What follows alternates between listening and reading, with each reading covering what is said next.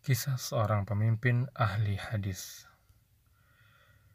Para ulama hadis adalah tokoh-tokoh agama yang menempati posisi khusus dalam umat ini. Kedudukan mereka di mata umat begitu mulia dan agung, mengingat jasa dan peranan mereka yang begitu besar dalam menjaga kemurnian syariat Islam.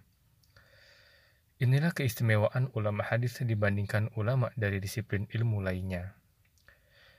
Merekalah para pembawa panji sunnah Nabi yang merupakan sumber ilmu kedua setelah Al-Quran.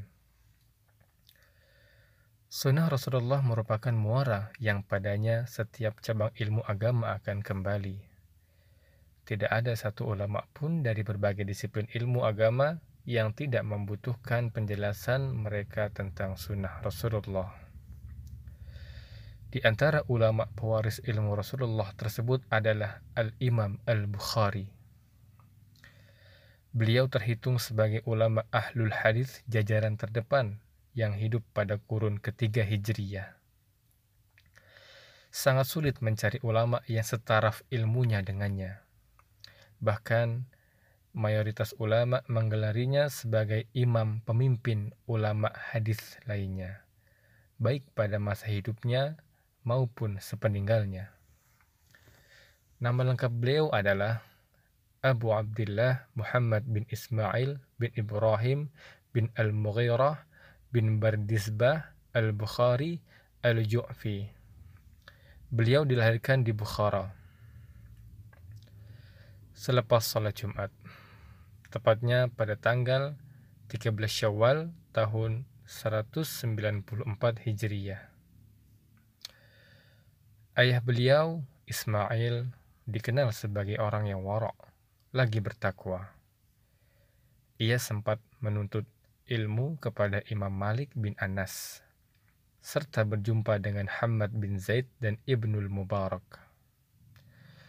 Namun sayangnya, Allah tidak menghendaki ia menyaksikan tumbuh kembang putranya hingga menjadi seorang pakar hadis terkemuka.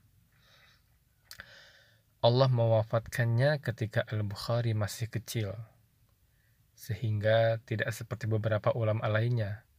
Imam Al-Bukhari tidak sempat merasakan asuhan dan bimbingan keilmuan dari sang ayah, karena statusnya yang yatim. Namun, kondisi tersebut tidak menyurutkan tekadnya untuk menuntut ilmu. Beliau tumbuh dalam asuhan dan pengawasan ibundanya di sebuah sekolah di tanah kelahirannya, Al-Bukhari kecil pertama kali mempelajari Al-Quran, di samping belajar baca tulis. Menoleh sejenak kepada awal perjalanan ilmiahnya yang begitu mengesankan, beliau berkata, Aku diberi ilham untuk menghafal hadis sejak aku masih di sekolah. Saat itu usiaku sekitar 10 tahun hingga aku keluar dari sekolah pada usia 10 tahun. Aku mulai belajar kepada Ad-Dakhili dan juga kepada selainnya.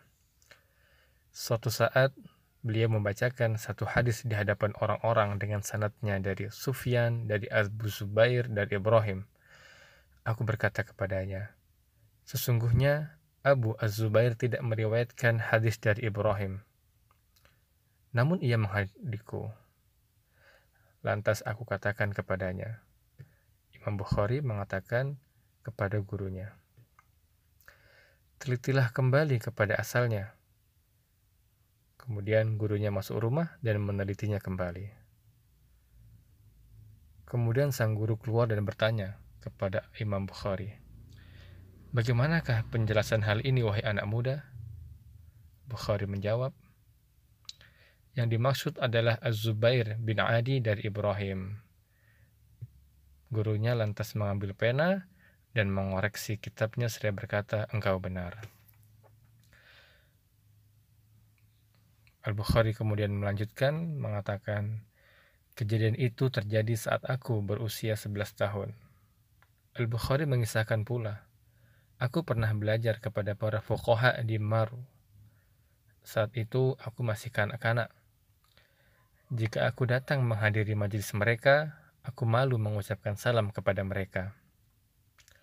Salah seorang di antara mereka bertanya kepadaku, Berapa banyak hadis yang telah kau tulis hari ini? Aku menjawab, dua hadis. Dan aku ingin menulis dua hadis lagi. Orang-orang yang hadir di majelis itu menertawakanku. Lalu berkatalah salah seorang syekh di antara mereka, Janganlah kalian menertawakannya. Bisa jadi suatu saat justru dia yang menertawakan kalian. Hashid bin Ismail dan seorang temannya mengisahkan pula. Pernah Abu Abdullah Al-Bukhari pergi belajar bersama kami kepada ulama-ulama Basrah. Saat itu ia masih sangat muda dan ia tidak pernah mencatat. Hingga satu ketika kami menegurnya. Sesungguhnya engkau pergi belajar bersama kami, namun engkau tidak pernah mencatat. Apa saja yang engkau kerjakan? Enam hari setelah kejadian itu, ia berkata kepada kami, Sesungguhnya kalian berdua telah berulang kali menegurku. Sekarang tunjukkanlah apa yang telah kalian catat. Kami pun menunjukkan catatan kami kepadanya. Dan ia justru menambahkan 15.000 hadis lagi pada catatan kami. Kemudian membacakan seluruh hadis-hadis tersebut dengan hafalannya sehingga justru kami mengoreksi catatan kami sebelumnya dengan merujuk kepada hafalannya. Ia berkata kepada kami, Apakah menurut kalian aku pergi untuk sesuatu yang sia-sia dan aku menyanyiakan hari-hariku? Kami pun tersadar, tidak ada seorang pun yang mampu mengunggulinya. Tentang kehebatan daya hafalnya ini, sepuluh ulama Basrah pernah sengaja mengujinya Masing-masing mereka melemparkan pertanyaan kepada Al-Bukhari tentang 10 hadis yang telah dibolak-balik sanad dan matanya, sehingga semuanya berjumlah 100 hadis. Ternyata beliau mampu mengembalikan sanad tersebut serta matan hadis masing-masing ulama tersebut sesuai urutannya yang benar hanya dengan sekali dengar sebagaimana yang beliau akui bahwa beliau mampu menghafal 200 ribu hadis sahih serta 200 ribu hadis yang tidak sahih berikut sanad-sanadnya tanpa keliru sedikit pun. Demikianlah sosok Al-Bukhari sejak kecil cikal bakal ulama serta bakal keilmuannya telah nampak. Pada usia 16 tahun, beliau telah hafal kitab karangan Imam Waqi' dan Ibnul Mubarak Kemudian menginjak usia 17 tahun, beliau telah dipercaya oleh salah seorang gurunya, Muhammad bin Salam al-Baikandi, untuk mengoreksi karangan-karangannya. Pada usia yang sama, beliau telah menjadi sumber rujukan hadis bagi tokoh-tokoh agama di Basrah. Tentunya semua itu tidak beliau peroleh dengan berbangku tangan dan usaha yang sedikit. Selain menimba ilmu dari para ulama di tanah kelahirannya, Beliau juga berulang kali mengembara ke negeri orang untuk memperbanyak perbendaharaan riwayat hadis. Di samping untuk bertemu langsung dengan sanad hadis dan menimba ilmu dari ulama di setiap daerah yang ia kunjungi, di antaranya adalah Khorasan, Balkh, Naisabur, Irak, Baghdad, Basrah, Kufah, dan Al-Jazirah, Sungai Efrat dan Al-Furat. Ketika ia menunaikan haji bersama ibu dan saudaranya, beliau juga memanfaatkan momen tersebut untuk menimba ilmu dari ulama Hijaz. Selama enam tahun lamanya, beliau hilir mudik menuntut ilmu di tanah haram dan daerah sekitarnya. Di sela-sela keberadaannya di tanah haram, beliau mengaram kitab tarikhnya, Tarikh Al-Kabir, di sisi kubur Nabi. Ketika itu, umur beliau baru 18 tahun. Lalu beliau berpindah ke Mesir untuk kemudian kembali ke Bukhara. Beliau memanfaatkan kesempatan di sela-sela perjalanannya menuju kampung halamannya dengan menimba ilmu dari ulama daerah yang ia lewati, seperti Syam dan Irak, hingga tidak mengherankan jika bilangan guru beliau mencapai 1080 orang. Di antara ulama yang pernah mengajar beliau adalah Abdullah bin Muhammad al-Musnadi, Maki bin Ibrahim, Muhammad bin Salam al-Baikandi, Abdullah bin Yusuf, Muhammad bin Yusuf al-Firyabi, Abu Nuaim al-Fadl, Muhammad bin al-Bashar Bundar, Abu Asim ad-Dakhak, Abdullah bin Az-Zubair al-Humaydi, Muhammad bin Yahya ad-Duhli, dan masih banyak lagi.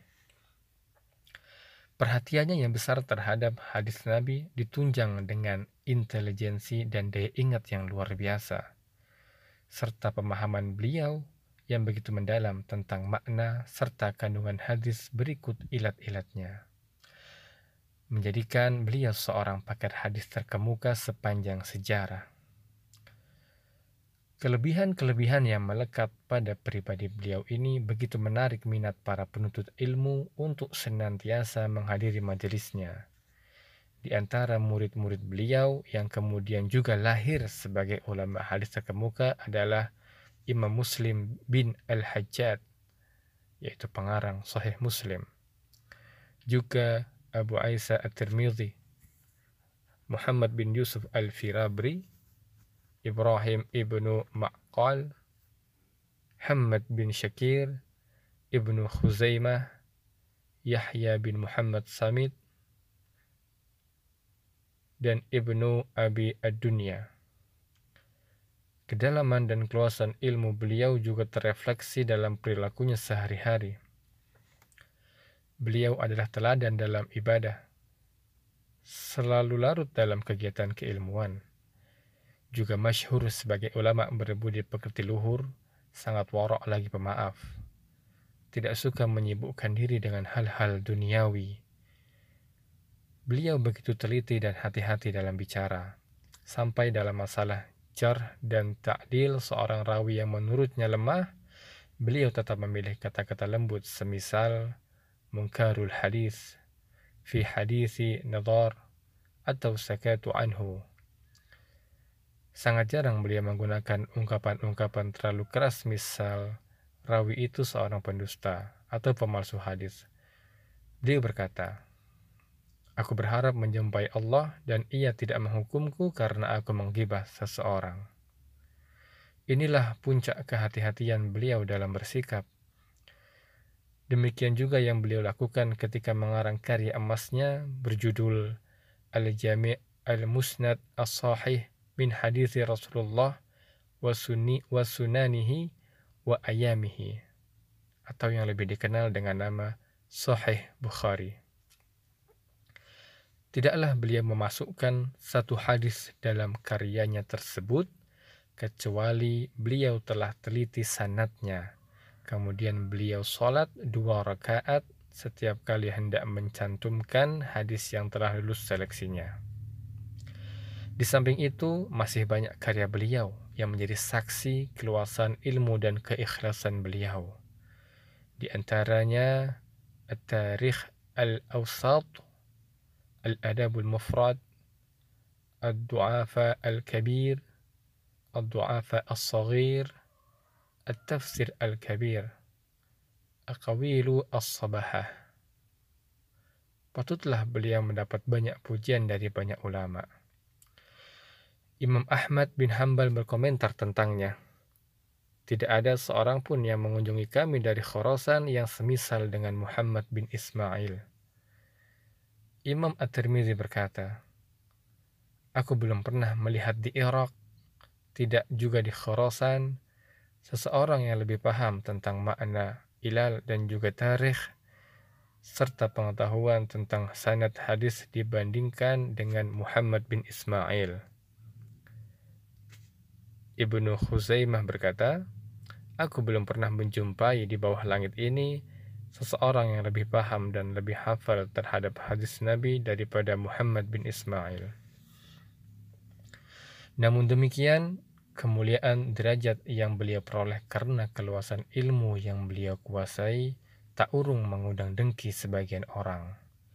Fitnah yang menimpa beliau bermula ketika seorang laki-laki dari Nesabur melontarkan pertanyaan kepada beliau seputar lafzu bil Quran. Beliau menjawab, Al-Quran adalah kalamullah, bukan makhluk. Sedangkan perbuatan hamba seluruhnya adalah makhluk. Jawaban beliau ini disalahpahami oleh sebagian orang yang dengki terhadapnya. Mereka menyebarkan tuduhan terhadapnya Bahkan di antara mereka ada yang mengkafirkan beliau. Masalah pelik ini terus meluas. Puncaknya ketika seorang ulama Anisabur, Muhammad bin Yahya ad-Duhli, melarang orang-orang menghadiri majelis Al-Bukhari, serta mengabarkan kepada setiap orang yang mengambil riwayat dari beliau tentang kecacatan akidahnya. Hingga orang-orang pun meninggalkannya tidak ada seorang pun yang sudi lagi menghadiri majelisnya kecuali Muslim bin Al-Hajjaj atau Imam Muslim dan Ahmad bin Salamah. Beliau menghadapi ujian itu dengan keteguhan seorang ulama serta tidak membalas perlakuan buruk orang-orang yang zalim terhadapnya. Ketika fitnah itu terus berlanjut hingga beliau merasakan sempitnya bumi yang beliau pijak, Beliau berdoa kepada Allah agar menyelamatkan beliau dari ujian tersebut dengan menjemput arwahnya ke sisinya. Sebulan setelah itu, beliau wafat di sebuah desa bernama Khartang. Tepatnya pada malam Idul Fitri tahun 254 Hijriah. Ketika itu, beliau berumur 62 tahun. Semoga Allah senantiasa merahmati beliau dengan limpahan rahmat yang luas.